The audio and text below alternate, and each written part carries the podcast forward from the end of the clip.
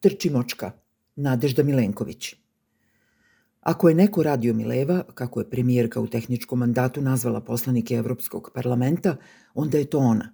Ko šta radi, ona prenosi šta je rekao njen šef, kako neprikladno i protivustavno naziva predsjednika Srbije.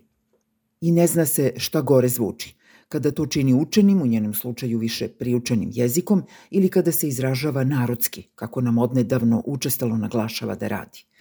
Osim ukoliko podguzne muve, kako je častila opoziciju, nije latinski naziv za neki rod muva, kao na primer konjska muva iz reda diptera koja nastaje spajanjem konja i muve, nešto kao cherry paradise, kako nam je svojevremeno objasnio predsednik Srbije. Jedina veća radio Mileva od nje je njen šef, koji samo to i radi, prepričava bez svedoka.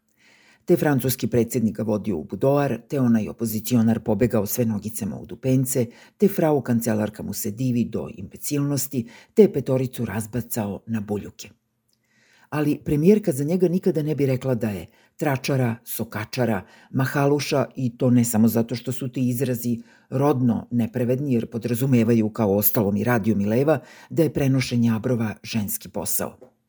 Iz istog razloga rodne nekorektnosti ne bi za njega rekla ni da je trčimočka, takođe narodski izraz za osobu koja toliko žuri od kuće do kuće ili u moderno doba od televizije do televizije da trči i usput moča, urinira.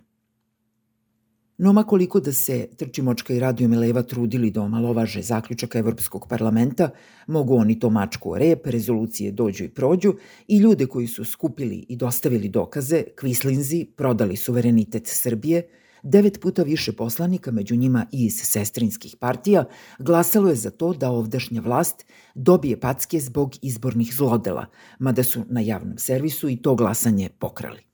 Dan pre te odluke je nemački ministar odbrane takođe podlegao ogovaranju, digitalnim rečnikom kazano fundamentalnoj informatici, pa nam je, do duša u prisustvu predsednika Srbije, preneo da je ovaj spreman da uvaži preporuke Evropskog parlamenta, koje u donetoj rezoluciji bogami zvuče kao pretnje, dok je sam predsednik Srbije u odgovoru spustio loptu i rekao da su izbori bili samo veoma fair i veoma pošteni, ništa najčistiji i najslobodniji u istoriji. Nemački ministar je ofirao i da će sve dogovoreno sa Kosovom biti primenjeno, a slučaj Banjska potpuno istražen. Preko pravih medija, a ne Radio Mileva i ostalih nacionalnih emitera, saznali smo i da će Evropska unija odmah započeti reviziju finansijskih sredstava koja se dodeljuju Srbiji.